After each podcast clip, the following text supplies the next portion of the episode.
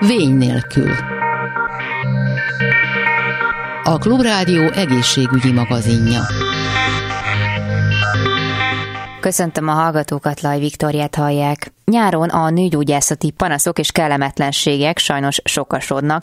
Mivel nyáron kevésbé figyelünk oda magunkra, többet járunk el otthonról, többször használjuk a nyilvános mosdókat, és könnyebben összeszedhetünk hüvei fertőzést vagy hüvelygyulladást okozó bacillusokat. A fürdőzés és a strandolás meleg ágya ezeknek a fertőzéseknek, de az sem segít, hogy a keleténél többször veszünk magunkhoz magas cukortartalmú édességeket.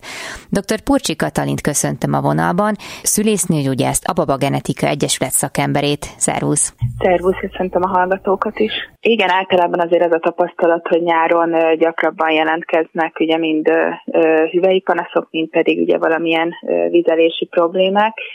Nyilván ugye gyakrabban elmegyünk nyaralni, több időt töltünk ugye strandokon, élővizes területeken, és hát ugye ilyenkor egy picit hajlamosabbak vagyunk úgy megfeledkezni magunkról, és ebből kifolyólag nyilván ugye ez a jó kis nedves, vizes közeg, ez nagyon-nagyon kedvező tud lenni mind a baktériumoknak, mint pedig mondjuk ugye a a gombák számára. Tehát általában mondhatjuk azt, hogy egy jó, jó indulatú hüvei bakteriális fertőzés áll a, a panaszaink mögött, ami ebben a vizes hát, környezetben. Ugye bakteriális, illetve ugye ilyenkor nyáron még a, a gombás fertőzések száma is megnőhet. Ugye itt, ahogy az előbb említettem, mm. ebbe a jó kis nedves meleg táptalaj, az kifejezetten kedvez a, a gombáknak, illetve ami még mondjuk ugye hajlamosíthat egy gombás fertőzésre, hogy azért nyáron egy picit engedékenyebbek vagyunk úgymond magunkkal, és nyilván több édességet viszünk be a szervezetünkbe, esetlegesen ugye mondjuk ugye egy kicsit az alkoholfogyasztás is megnőhet, ami szintén mondjuk egy ilyen cukrosabb táptalaj, az ugye kedvező lehet a, a hüvelygombának. És hát sok mindenre igazából nem is gondol az ember, hogy milyen tényezők járulhatnak ehhez hozzá, mert nyilván mondjuk a, a mosdó használatot azt próbálja az ember nagyon óvatosan kezelni, meg előtte-utána kezet mosni, de például nekem sem volt feltétlenül egyértelmű, hogyha fürdőzés után a vizes fürdőruhában még ott órákig el vagyok, vagy napozok, vagy nem is szárad meg, tehát nem cserélem le egy szárazra, akkor abból is lehetnek problémák, és hát még sok ilyen egyéb kis, kics, kicsi dolog van, amire igazából szerintem nem figyelünk oda. Hát igen, én mondjuk mindig szoktam javasolni, ugye főleg, ha még inkább, hogyha ugye várandós, várandósról van szó, hogy amikor ugye kijött a, a strandon a vízből, vagy esetleg egy, egy tóból, akkor mindenféleképpen ugye tusoljon le tiszta vízzel, cseréljük le mondjuk a bikini alsónkat egy szárazra, és ez kapásból már azért elég sokat tud segíteni egyrészt a komfortérzetünkön is, másrészt pedig ugye nem, nem kedvezünk ott a baktériumoknak, gombáknak a, a vizes nedves közeggel, illetve amilyen trükköt még esetlegesen lehet alkalmazni, ilyen tartósabb strandolások alkalmával, hogy mondjuk éjszakára akár valamilyen probiotikumos vagy laktobacillus hüvelykúpot felhelyezhetünk a hüvelybe, és akkor ezzel segítjük a hüvely normál flórának a visszaállítását is, és ugye ezzel a védő funkcióját tudjuk egy kicsit erősíteni. Ezek igazából csak akkor ö, szükségesek, hogyha alapból egy hát nem, nem teljesen egészséges ö, ö, baktérium számmal, vagy flór, hüvelyflórával rendelkezünk? Hát, vagy? Nem, nem tudjuk, hogy ugye a saját normál hüvelyflóránk milyen, tehát hogy ezt akár ilyen megelőzés célzattal is ö, javasoljuk a használatát mondjuk egy probiotikumos hüvelykúpnak. Erre azért kérdeztem ki, mert ilyen intim mosakodókkal kapcsolatban hallottam azt, vagy olvastam azt, hogy hát nem feltétlenül jó, hogyha úgymond teljesen egészséges ember ezt használja, tehát hogy árthat adott esetben a, a, az összetételnek. Az intim lemosóknak a pH értéke, illetve az összetétele ez teljesen úgy lett kialakítva, ami ugye a hüvely normál flórájának megfelelő, tehát én mindig azt mondom, hogy mondjuk a helyet, hogy egy szappannal vagy egy tusfürdővel mosakodnánk alulról, sokkal kedvezőbb hatásokat érhetünk el, ha tényleg egy speciális intim lemosót vásárolunk. Uh-huh. Főleg mondjuk ugye olyan hölgyek esetében, akik egy kicsit hajlamosabbak ugye fertőzésekre, vagy egy picit gyakrabban el tud tolódni a hüvely pH-juk azoknak én mindenféleképpen javasolom az intim lemosó használatát, de egyébként bárkinek, mert, mert én úgy gondolom, hogy hogy sokkal jobb, mint mondjuk egy szappanos mosakodás.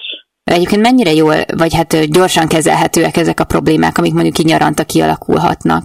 Hát ez mondjuk ugye attól függ nyilván, hogyha valakinek egyszer-egyszer jön elő, akkor ez viszonylag gyorsan kikezelhető, de ugye vannak a folyamatosan visszatérő hüvei fertőzések, hüvelygyulladások, amiknél mondjuk nagyon sokszor azt látjuk, hogy már eléggé masszívan jelen van esetlegesen kórokozó a hüvelybe, azoknak a kikezelése azért hosszadalmasabb. Tehát ott azért visszavisszatérő fertőzések előjöhetnek, és mondjuk tényleg egy kicsit hosszabban tart a kikezelés.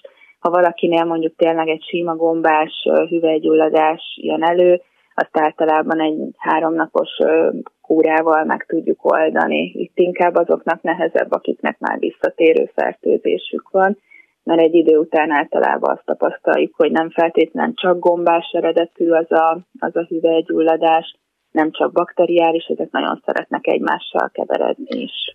Egyébként a táplálkozásunkkal segíthetünk valamennyit a, a problémák enyhítésén, vagy hát a megelőzésén adott esetben? Hát ugye mondjuk a gombáknak tényleg nagyon kedvező tud lenni az, hogyha ha valaki több cukrot, több szénhidrátot uh-huh. visz be a szervezetébe, tehát hogyha valakinek tényleg ilyen masszívan visszatérő gombás hüvelyfertőzése jelentkezik, annak én olyankor mindig szoktam egy, egy diétát is javasolni mellé, tehát hogy uh-huh. tényleg akkor figyeljünk oda az ilyen szénhidrát tartalom csökkentésre, cukorbevitel csökkentésre, mert az is tud segíteni a panaszokon, és hát ugye sokszor a megelőzés az, az nagyon fontos, de ezt nyilván nem mindig tudjuk azért teljesen kikerülni egy megelőzéssel, tehát bármennyire odafigyelünk ugye a, az intim higiéniára, azért előfordulhatnak olyanok, hogy ettől függetlenül ugye valami kis diszkomfort érzet jelentkezik hüvely környékén, esetleg egy kicsit bővebb hüvei folyás, uh-huh ez általában azért így nagyon sokszor ugye az van, hogy nem is feltétlen megy el rögtön orvoshoz. A páciens nem bemegy a gyógyszertárba, ugye elmondja a panaszait, és hát nagyon sok recept nélkül kapható készítmény van. Előfordulhat, hogy ugye simán mondjuk megoldja a panaszait, és nem is térnek vissza. Nyilván, hogyha egy picit komplexebb dologról van szó, akkor azért nem feltétlenül fogja egy, egy sima gyógyszertári készítmény megoldani, meg olyankor uh-huh. azért mindenféleképpen javasolt egy nőgyógyászati vizsgálat. Sokan, vagy lehet hallani azt, hogy hát koszos volt a víz, ezért lett nekem problémám, vagy nem, nem tudom, olyan helyen fürödtem, ahol nem kellett volna, és ez lehet, hogy akkor meg fokozottan előfordul, hogyha, hogyha menstruáció közben fürdik az ember, ami azért néha elkerülhetetlen, hogy ez vajon valóban okozhat-e problémát, vagy itt is alapvetően arról kell beszélni, hogy nem volt teljesen ö, egyensúlyban a, az ő pH-ja, és azért borulhatott fel az érték, és nem azért, mert mondjuk egy nem tudom milyen tóban fürdött, amit ő koszosnak, vagy nem megfelelőnek ítélt utólag. Hát igen, nyilván a menstruáció alatti fürdőzés az, az egy nagyon kényes uh-huh. téma, de ugye hát tudjuk, hogy sokszor előfordul, hogy hiába számoljuk esetlegesen ki a nyaralás időpontját, akkor, hogy talán nem fogunk menstruálni, azért ebbe előfordulhatnak ugye tévedések, vagy tényleg nem akkor jön meg véletlenül a menstruáció. Uh-huh.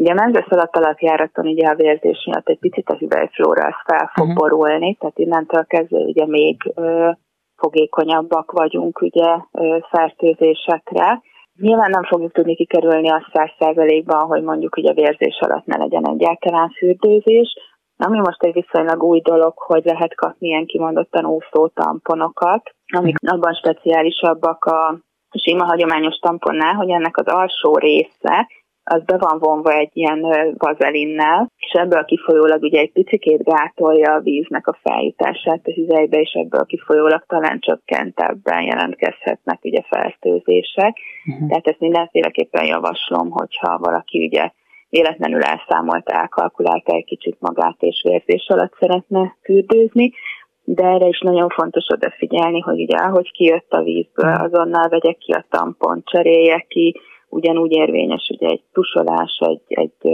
száraz fehér neműre cserélés, tehát ez mondjuk uh-huh. alatt talán még inkább.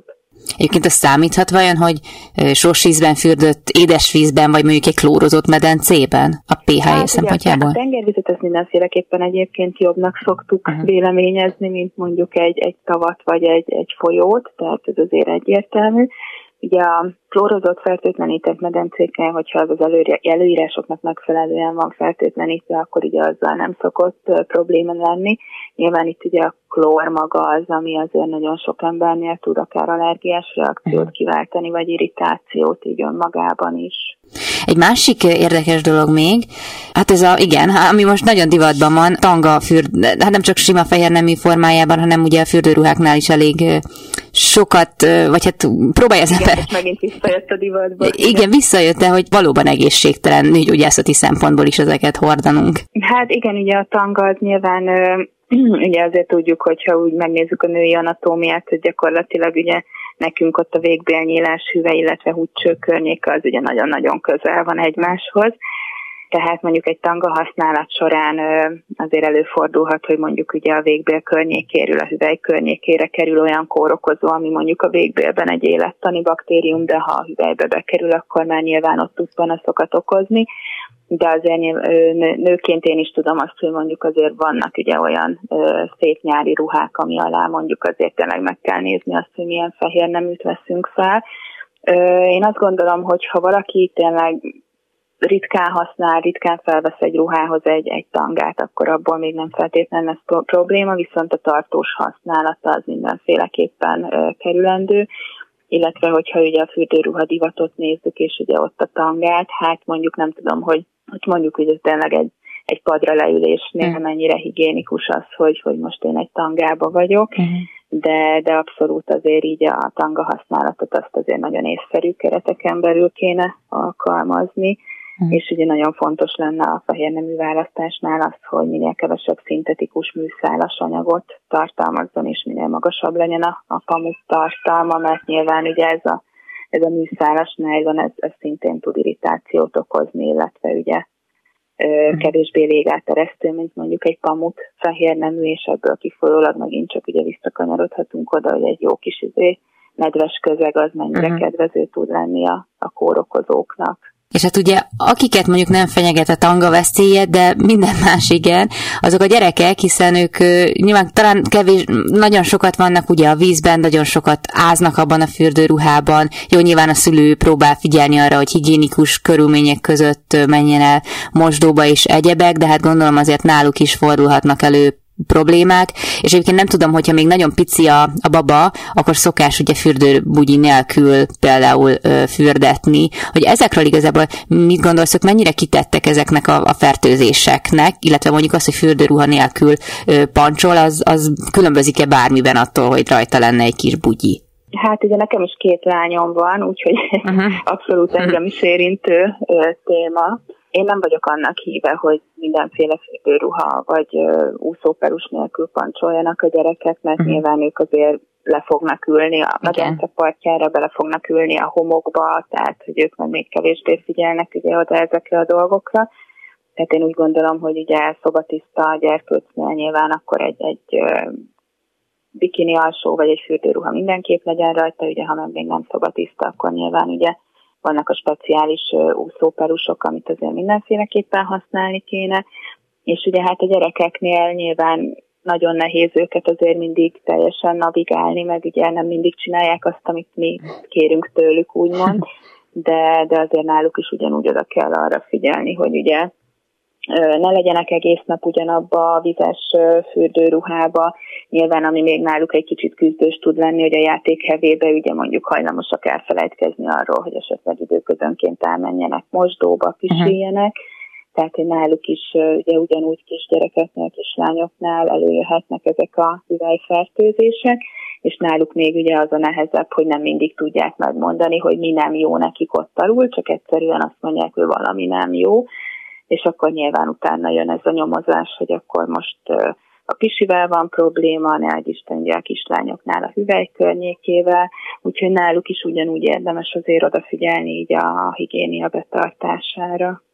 Itt említetted korábban, hogy még az elején, hogy, hogy vizelési problémák is adódhatnak, és most ez onnan jutott eszembe, hogy gyakran elfelejtenek a kisgyerekek ugye elmenni pisilni mondjuk, hogy ezek mire, mire vezethetőek vissza ezek a vizelési problémák, akár felnőtteknél, vagy mondjuk ha gyerekeknél is lehet róla beszélni? Hát mondjuk, ha ugye a nyarat nézzük, és elmegyünk nyaralni, akkor nyilván ugye a folyadékbevitelünk is lecsökkenhet, mert mert mondjuk elmentünk egyet kirándulni, nem feltétlenül figyeltünk arra, hogy ugye meglegyen a megfelelő folyadékbevitel, vagy esetlegesen ugye sajnos tudatosan ittunk kevesebbet, úgymond pont azért, hogy ne kelljen olyan sűrűn elmenjünk pisilni, és nyilván mondjuk a kevesebb folyadékbevitel az azért kedvezően tudja befolyásolni a baktériumoknak az elszaporodását a hólyagban, mert hogy ugye ritkábban megyünk el mosdóba, tovább, tartó, tovább van bent a hólyagban a vizeletünk, és ugye ebből kifolyólag ugye az szintén egy jó táptalaj tud lenni a baktériumoknak. Úgyhogy hát tudatosan kell valahogy ugye erre is odafigyelni, hogy,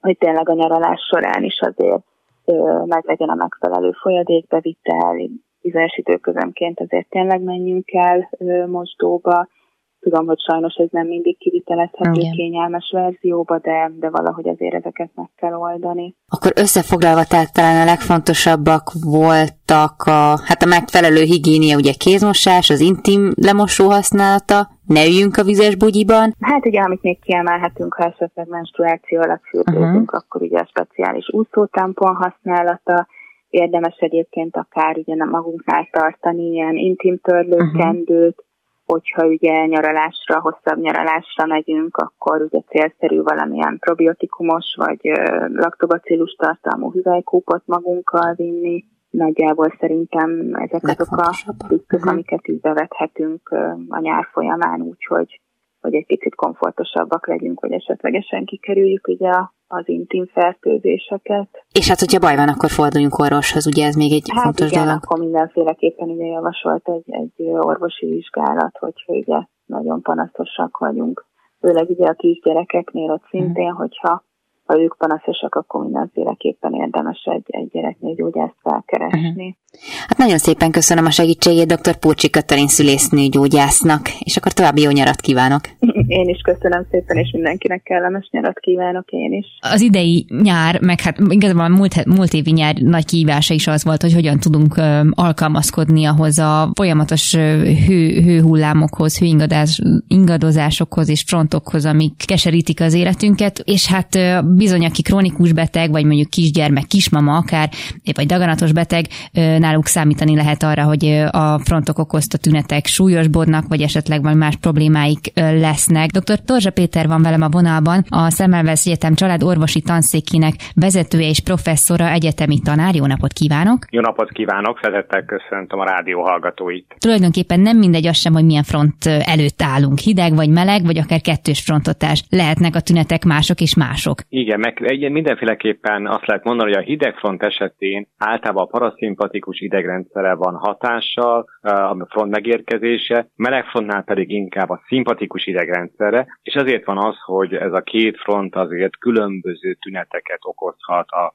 az emberek körében, viszont vannak olyan tünetek is, amelyek mindkét front hatás esetén jelentkezhet. Ha a hidegfrontról beszélünk, akkor általában jellemző, hogy ebben az esetben a szözünkben a görcskészség fokozódik, ez több szervünket is érintheti, így például a tüdő esetében egy aszmás rohamat idézhet elő, de megjelhet akkor az, akinek esetleg gyomorpanasza van, gyomor, epe, vese, görcs is jelentkezhet, jelentkezhet melkasi fájdalom is, tüdőembójának az előfordulása is gyakoribb, és ez a kölcskészség azért nem csak ezekben a szerveben nyilvánul meg, hanem a szívkoszorúi érnek a görcskészsége is fokozódhat, ezért a vizsgálatok azt is igazolták, hogy hidegfront esetén gyakoribb a szívinfarktusnak az előfordulása. Ezek a kronikus betegségek akut fellángolása mellett azért a kismamákat is érintheti a hidegfront, hiszen ő esetükben a méh összehúzódás fokozódhat, és ezáltal a koraszüléseknek a száma is meg, megnövekszik növekszik a hőmérséklet drasztikus csökkenése után. És nem csak a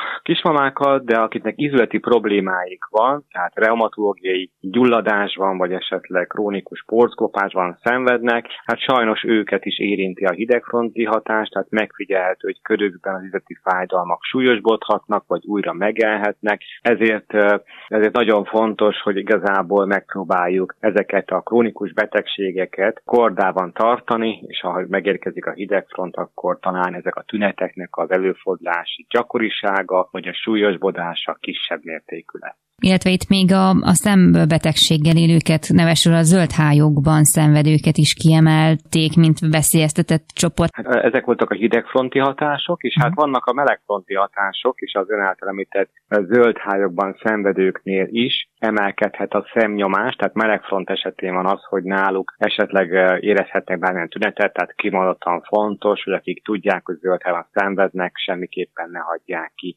a szemcseppnek a használatát. Melegfront esetén az erek tágulnak, ilyenkor a vérnyomás inkább csökken, a pulzus emelkedik, tehát erre is oda kell figyelni, tehát akinek magas vérnyomása van, rendszeres, gyakori vérnyomásellenőrzést szoktunk javasolni, hiszen mhm. jobban látható az, hogyha esetleg valakinek esik a vérnyomása, ami már önállóan is okozhat szédülést, rossz közérzetet, tehát meg is szoktam beszélni a pácienseimmel, hogy felhatalmazom őket arra, hogy ha esik a vérnyomás, ilyen 110 cm a szisztolés vérnyomás, akkor nyugodtan lehet csökkenteni a vérnyomás csökkentőnek a dózisát, és hát persze, hogy esetleg elmegy a front, figyelni kell, utána megint emelkedik a vérnyomás, akkor vissza kell adni a normál dózisban a vérnyomás csökkentőt.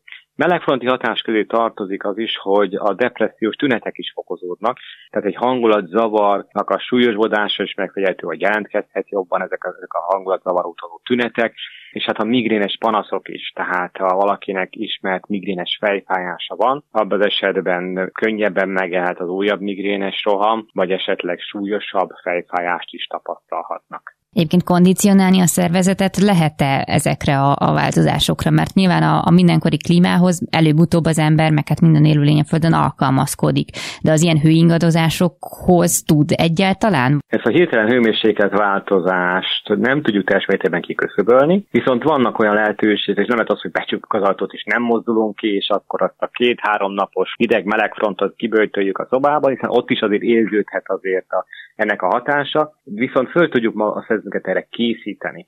Tehát nagyon fontos, hogyha valaki stresszesebb életet él, vagy nehezebben tűrünk a napok, minden napokban is a stresszet, akkor, akkor sokat segíthet, hogyha különböző stresszkezelő technikákat elsátítunk, ez például lehet autogén tréning, jóga, de nagyon jó stresszoldó hatása van a sportnak, a rendszeres testmozgásnak, és itt is fontos, hogy mivel beszéltük arról, hogy itt vannak hőmérséklet különbségek, tehát nem is igazából az edzőteremben lévő sportot, persze az is fontos, hanem lehetőség szabadba sportoljunk különböző éghajlati körülmények között, tehát nem az, hogy a fúj a szél, és ezáltal is föl tudjuk kicsit készíteni az életünket arra, amikor esetleg van egy jelentősebb hőmérséklet különbség, és már az is, hogy kint sportoltunk, a rendszeres testmozgásnak nagyon fontos stresszoldó hatása van. Segíthet az is, hogyha a szeretőnket, tehát nem csak, hogy sporttal edzük, de megfelelően egészséges a táplálkozásunk, jó az emésztésünk. Ehhez pedig kulcsfontosságú a minél több zöldség gyümölcsnek a fogyasztása,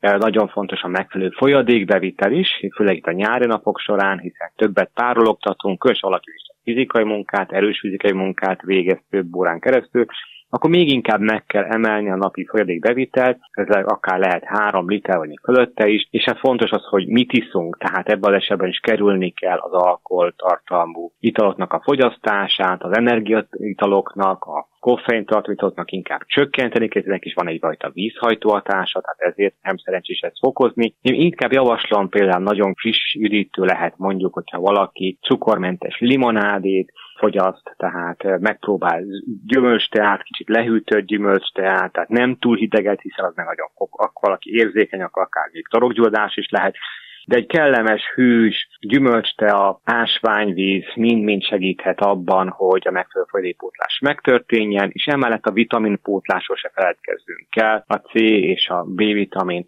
és hát tudjuk a D-vitaminról rengeteget beszéltünk, most ha sokat vagyunk ilyen napon, akkor azt lehet mondani, a D-vitamin bevetelő megfelelő, de, de sajnos a magyar lakosság inkább D-vitamin hiányos, tehát nem teszünk rosszat, hogyha esetleg most itt a nyári hónapok során is esetleg 1000-2000 nemzetközi egység D-vitamint is beviszünk, és emellett pedig az ásványokat is pótolni kell, a cink, magnézium, ezek mind ahhoz segítenek, hogy sokkal erősebbek leszünk, hogyha érkezik a hideg vagy melegfront, és hát még fontos, hogy említsem a megfelelő alvásmennyiséget. Tehát hajlamosak, különösen a fiatalok, hogy kevesebbet aludnak, alusznak, buliznak, és utána pedig nem tudják kipélni magukat. A meleg biztos, hogy nem segít ebben, tehát fontos, hogy legfeljebb ütsük le azért a szobánkat, szellőztessük át elalváskor, de ha valaki kialvatlan, akkor sajnos előbb-utóbb az immunrendszere is meggyengül, tehát ezért azt javaslom, hogy azért ezt a napi 7 órás alvást mindenképpen próbáljuk tartani, és ez is segíthet abban, hogy, hogy kipihenten ébredünk, jóval erősebbek vagyunk, és ezáltal stresszmentesebben tudjuk átvészelni a különböző fronthatásokat. Hát nagyon szépen köszönöm a jó tanácsokat dr. Torzsa Péternek, a Szemmelweis Egyetem családorvosi tanszékének vezetőjének és professzorának, egyetemi tanárnak. Köszönöm szépen még egyszer. Köszönöm szépen, és mindenkinek szép melegfront, hidegfront napokat kívánok. Ezzel pedig a műsor végéhez értünk. Köszönöm a figyelmüket, további kellemes rádióhallgatást kívánok. Laj Viktoriát hallották, viszont hallásra. A Vény nélkül című műsorunkat hallották.